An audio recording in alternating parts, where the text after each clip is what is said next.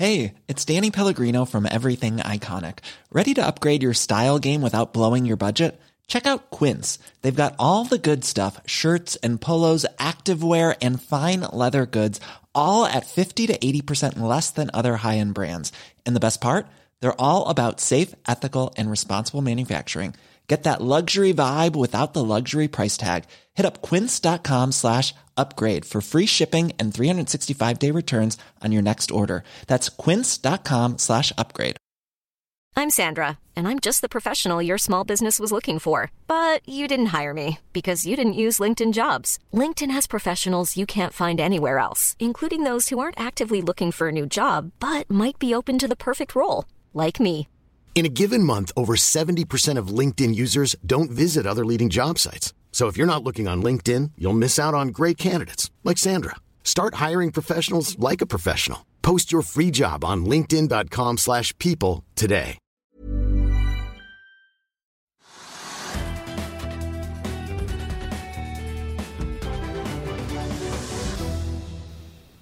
Hei og velkommen til Økonominyhetene. Vi starter på Oslo Børs, der hovedindeksen faller videre for tredje dag på rad. Oslo Børs er nå ned ca. 3,3% og det er stort sett rødt å se blant de store selskapene. Dagens mest omsatte aksje er foreløpig Kahoot, som faller nær 10% Men også Equinor, DNB, Aker BP og Norsk Hydro faller, alle med mellom 4 og 5% En svakere oljepris er med på å senke utviklingen. Et fat brentspotolje koster nå under 40 dollar igjen, nærmere bestemt omtrent 39,2 dollar fatet. Hva er det som har endret stemningen i markedet, Trygve? Det er litt vanskelig å si, da. Eh, For det første så er det jo da i det norske markedet så er det oljeprisen, som du sier. Altså Oljeprisen er nå nede på så vidt over 39 dollar per fat for brentoljen. Og den var jo da 2-43 dollar. Eh, Og det er skummelt for markedet. Det kommenterte jeg i går også, at eh, det ser ut som oljeprisen tenderer nedover, og det gjør den.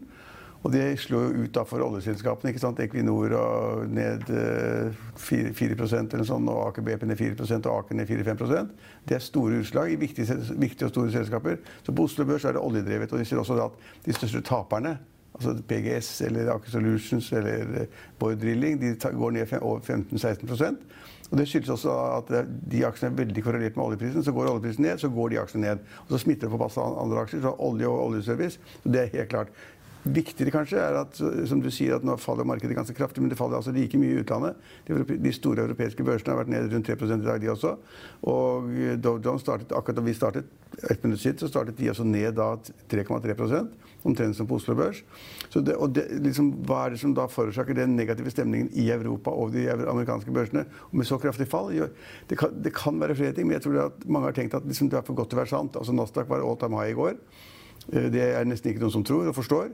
Og så er det da masse negative news som kommer hver dag fra OECD eller andre. altså Hvordan veksten går ned. Istedenfor at den øker, så synker veksten med 5% 10 Eh, Aktiviteten i økonomien går ned i alle land. Eh, Man, man, man regner med at det går dårligere i USA. Nå kom det da jobbtall i dag. Da. De var litt bedre enn ventet.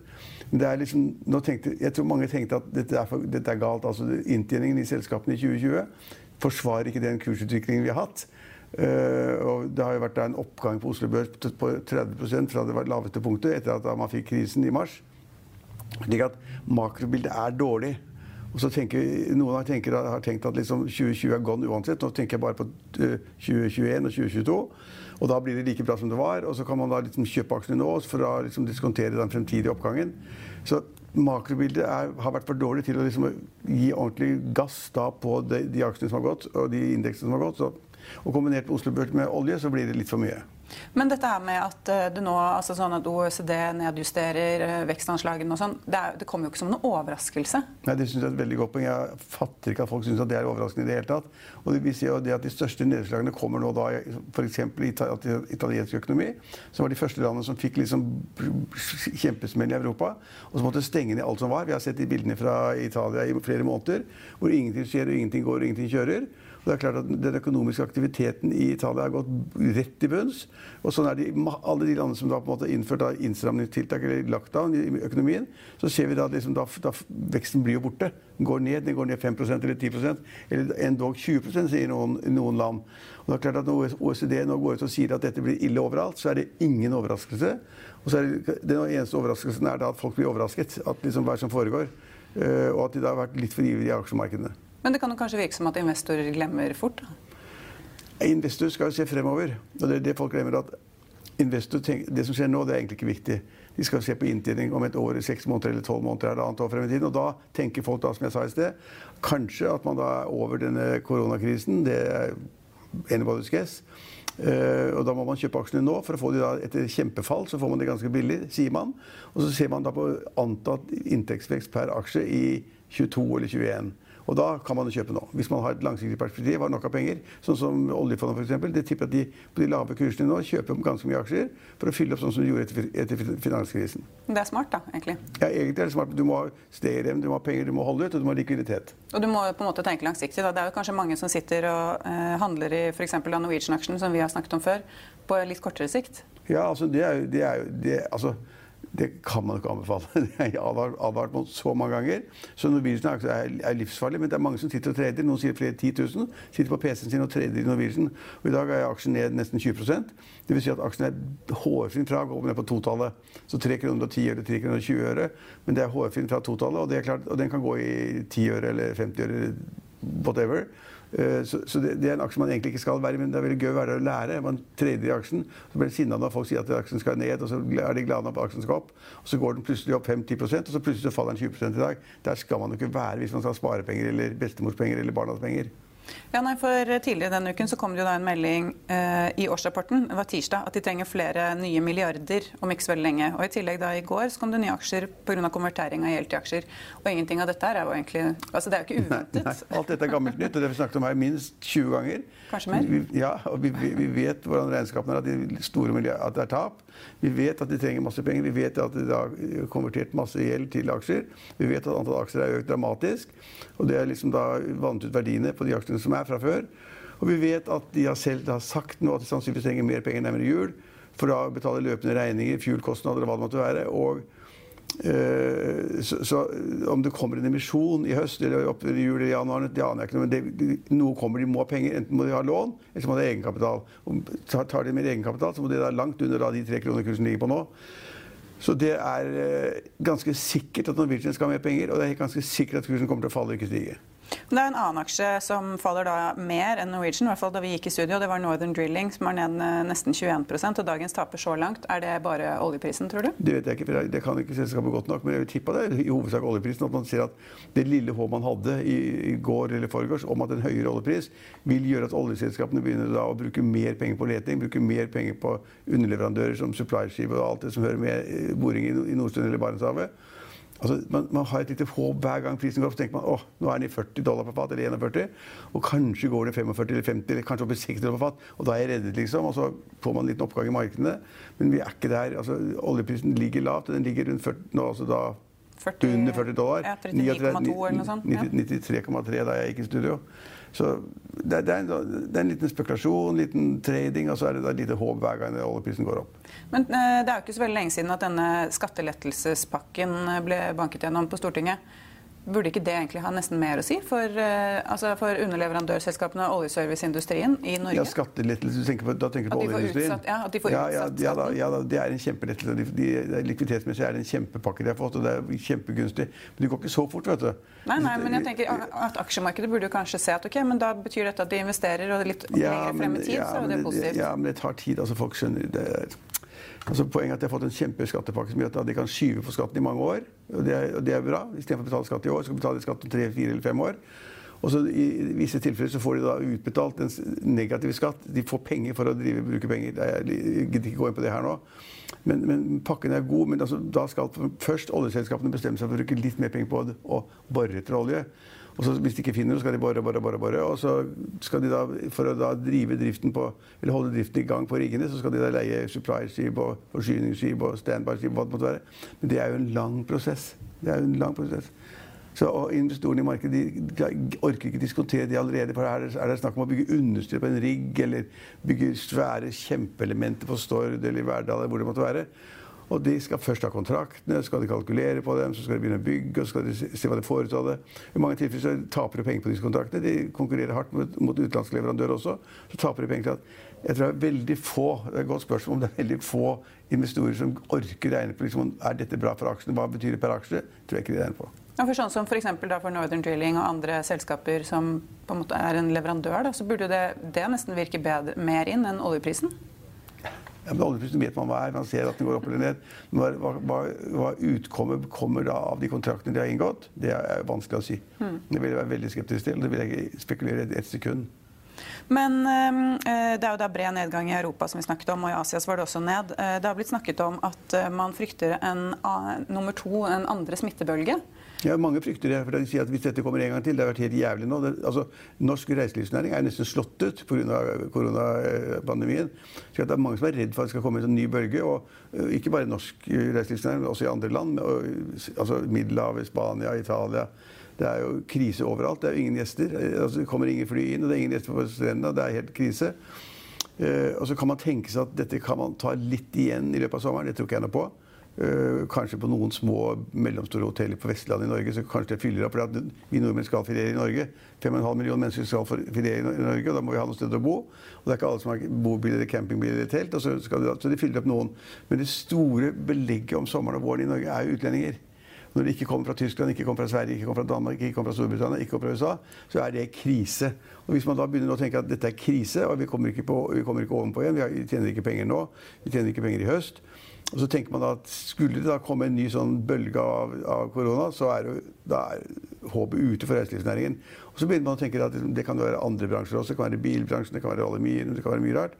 Så, det, så begynner man å tenke liksom en ny, ny sånn pandemi det ville være katastrofe. For da vil jo de forskjellige landene, enten det er USA eller Italia eller Frankrike eller Norge, så må de skru til enda en gang. Det vil si enda flere arbeidsplasser blir borte, enda flere bedrifter blir gone. Så, ja, det, så det, det, tør jeg ikke tenke på engang.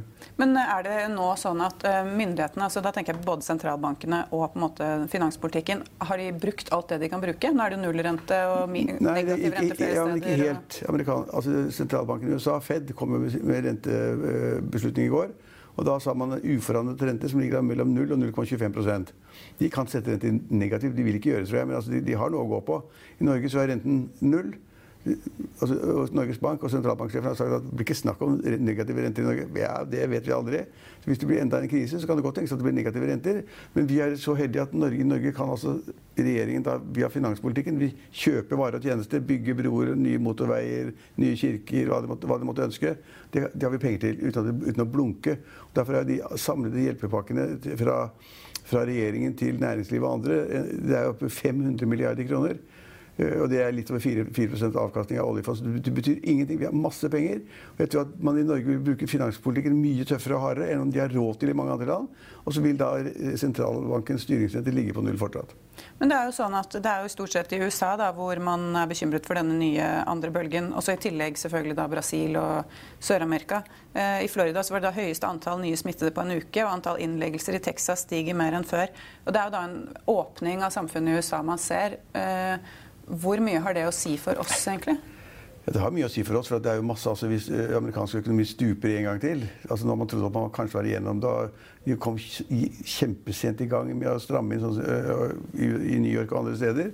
Og Hvis det virkelig nå da åpnet opp såpass mye at du har fått en, en ny sånn bølge, liten bølge da, av smitte, og at man ikke klarer da å på en måte være på avstand, ikke klarer å la være å hoste på noen, ikke klarer å være hjemme og må gå på jobb og er fattig fattig og liksom må prøve å finne seg et eller annet å gjøre sammen med andre, ikke kan sitte hjemme engang, så, så er situasjonen i USA kanskje verre enn man trodde. Og nå skal vi huske på det at, at i USA så er det jo nå omtrent 44 millioner mennesker som har mistet jobben pga. korona. 44 millioner. Og så er det ikke alle som da melder seg på arbeidskontoret, men det er 44 millioner som har mistet jobben. Og så er det ca. 20 millioner som går på ledighetstrygd. Og nå kom det da tall i dag. Fra den siste uken så var det da 1,5 millioner flere som søkte ledighetstrygd. Så situasjonen i USA er jo kjempealvorlig. Og de har satt i gang altfor sent med liksom lockdown, som de fikk i San Francisco etter hvert, og de også fikk i New York.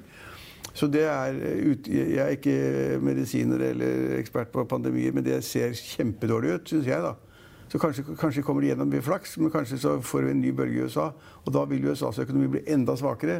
De kjøper masse varer og tjenester fra resten av verden, og de smitter opp andre land. Det, så det tør man nesten ikke tenke på. Så de stengte ned for, for, sent og åpner opp for tidlig, kanskje? da? Ja, noen sier det. Ja. Ja. Men er det noen andre ting som du har bitt deg merke i på børsen i dag? Det er jo veldig mye rødt. Nei, altså, jeg, jeg ser at altså, Alle de store selskapene er rødt alt sammen. Jeg så både DNB og Storbrann var ned 4-5-6 Jeg er ikke helt sikker på hvorfor. Det, det er mulig at rentenivået at de tjener mindre på marginene for når renten er så lav som det er, jeg ikke sikker. Men eller fall frykter at de taper penger på utlån. Eller at når DNB har en utlånsportefølje som da på en måte ikke har tatt høyde for de tapene de får. Jeg vet ikke. Men vi så at det var ganske kraftig nedgang på de så sentrale finansinstitusjoner. Da. Men det er jo ganske mye konkurranse blant bankene nå med boliglånsrentene. så... Ja. De har kanskje ikke så mye marginer å gå på der? Nei, altså Det ser som rent, at den lave renten presser renten ned, og marginene blir dårligere, så vi tjener mindre penger. Det ser sånn ut. Så Lånekassen kom med melding i går eller foregår om at uh, man kunne låne penger ja. på 1,6% eller noe. Så det er jo ikke renter. Men, eh, men, nå er det vel ikke utgangspunktet boliglånskundene som bankene har tapt på? da? Nei, de har nesten aldri tapt på kunder. Ja, de tapte på masse boliglånskunder på, slutten av, på begynnelsen av 90-tallet. 92, 93, 94, for da var renten 17-18-19-20% og da, da, de, da, var det mange som kastet kortene. og de boliger da falt, som kanskje var belånt med 60% og så falt de da med 50% Da var de negativ eh, egenkapital. Men eh, da DNB la frem tall nå for uh, første kvartal, så var det jo da en privatperson som de hadde hatt, måtte ta et kjempetap på. Men kanskje man frykter at det kommer flere sånne fremover? For vi er vel ikke ferdig med tapene? Nei, altså, de har nok tatt masse avsetninger altså, for tap. Jeg tror det ville vært merkelig hvis de ikke har gjort det de, de, er ganske flinke. og de har sånn, eh, så Jeg tror de har tatt høyde for ganske mye. Men det var én kunde, det var ikke 450 millioner kroner eller noe sånt på én kunde. 300 et eller annet. Ja, et eller annet. Uh, men jeg tror, jeg tror, ikke det er det. Det kan tenkes en generell uh, litt sånn pessimisme på det at bankene taper mye penger hvis det går veldig dårlig. Men akkurat nå så går det ikke veldig dårlig i Norge. Altså Fremdeles er jo da de, de, som ønsker å være permitterte, de er det. De får lønninger. Riktignok lavere enn den faste lønnen de hadde før, men, men altså, man er i arbeid eller er permittert. Hvis man er permittert, så blir man definert som arbeidsledig. Så Derfor ser tallene skrekkelig ut. Men har, de fleste i Norge har da et sikkerhetsnett som de ikke har i andre land. Så jeg, altså, ja. Men nå er det jo sånn at Nav har jo ikke utbetalt de pengene for, før nå, da. Nei, det, er en, det er jo en krise, selvfølgelig. Så de, de, som skulle ha lønn de første 17 dagene av staten og to eller tre dager fra bedriftene, de, alle de pengene er ikke ute engang. Og det var jo da fra mars. Så det er en katastrofe. Men de fleste kan da låne det sånne spesialordninger og greier. Men, altså, men, det er en katastrofe. Og det er klart, det tynger mange, så det brukes mindre penger. Det er helt åpenbart. Men vi ser at tallene for salg på kjøpesenter og detaljomsetningen er jo opp ganske kraftig. Matprisene opp. Liksom, det, så det er ikke helt krise i Norge ennå, men det kan bli det. Det kan bli det hvis det ikke, man, altså man må få fart på altså Reiselivsnæringen er den som er viktigst nå om sommeren. Og de, de blir ikke fart på den før de får utlendingene inn. og da må de slippe på, altså Tyskland har jo vel så strengt regime som Norge når det gjelder smittespredning og kontroll. Og, og, og, og finne da hvor, hvor, hvor, kildene til uh, viruset er. Men vi har ennå ikke gitt adgang for Tyskland til, Tyskland å komme til Norge. Tyskland har sagt at alle europeere kan komme til Tyskland, og alle som er medlem av EØS-området eller EU, kan komme til Tyskland. Men vi har ikke sagt det. Så vi holder igjen og er ganske strenge, og det er ikke sikkert det er så smart. For man må tenke på økonomien også. ikke bare da. Nå er det nesten ingen som blir smittet lenger. Altså, ingen gikk på sykehus, ingen i respirator, ingen dauer. Eh, det var en som døde her om dagen. Da. Ja, men altså, det, er, det, er, det er knapt Hvis man ser på tallene, så sammenlignet med alle andre land, så er vi kjempeheldige. Og det er vel 16 på sykehuset eller noe sånt? Ja, men, ja og husker ikke at Vi fikk ikke lov på hytta engang, for man skulle da risikere da å legge beslag på plassene på sykehusene, sengene på sykehusene, sengepostene. Helt vilt. Eh, de ble overdrevet, men så, kanskje, okay, så var det fint. Vi hadde flaks, og vi kom igjennom det med en kjemperesultater. Og da kan man jo begynne å slippe litt opp, da. Men det skal vel kanskje komme noen nye retningslinjer fra regjeringen i neste uke? Ja, ja, ja denne uken og neste uke. Så da blir det spennende å se hva som skjer, da. Ja, de må slippe opp litt. For nå, nå, kveler vi mye av økonomien uten at det er nødvendig, sannsynligvis. På samme måte som de da eh, sa det at eh, skolen skulle stenge og barnehagen skulle stenge Folkehelseinstituttet sa at det var unødvendig. Etterpå forklarte da, avslørte det. Og akkurat nå så er det da regjeringen litt treig med å slippe opp. I Finansavisen i morgen kan du lese Trygve Hegnars leder om politikere og flyskam. Du kan lese mer om Solon Eiendom og Vatne eh, Capitals likviditetsskvis, og om en kjent finansmann som blir skatteflyktning et svært uventet sted. Og det var det vi hadde i dag. Vi er tilbake i morgen klokken halv to. Følg med oss igjen da.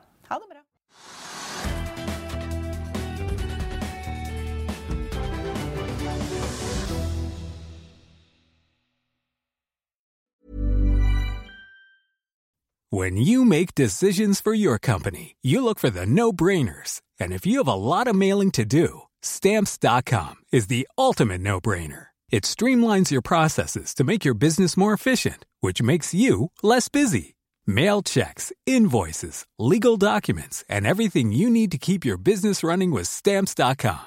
Seamlessly connect with every major marketplace and shopping cart. Schedule package pickups and see your cheapest and fastest shipping options from different carriers with rates up to 89% off USPS and UPS rates. And with the Stamps.com mobile app, you can take care of mailing and shipping wherever you are. Make the same no-brainer decision as over 1 million other businesses with Stamps.com. Sign up with code PROGRAM for a four-week trial, plus free postage and a free digital scale. No long-term commitments or contracts. That's Stamps.com. Code PROGRAM.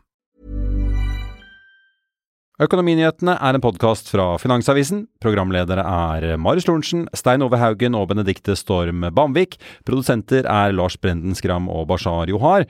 Og ansvarlig redaktør er Trygve Hegnar.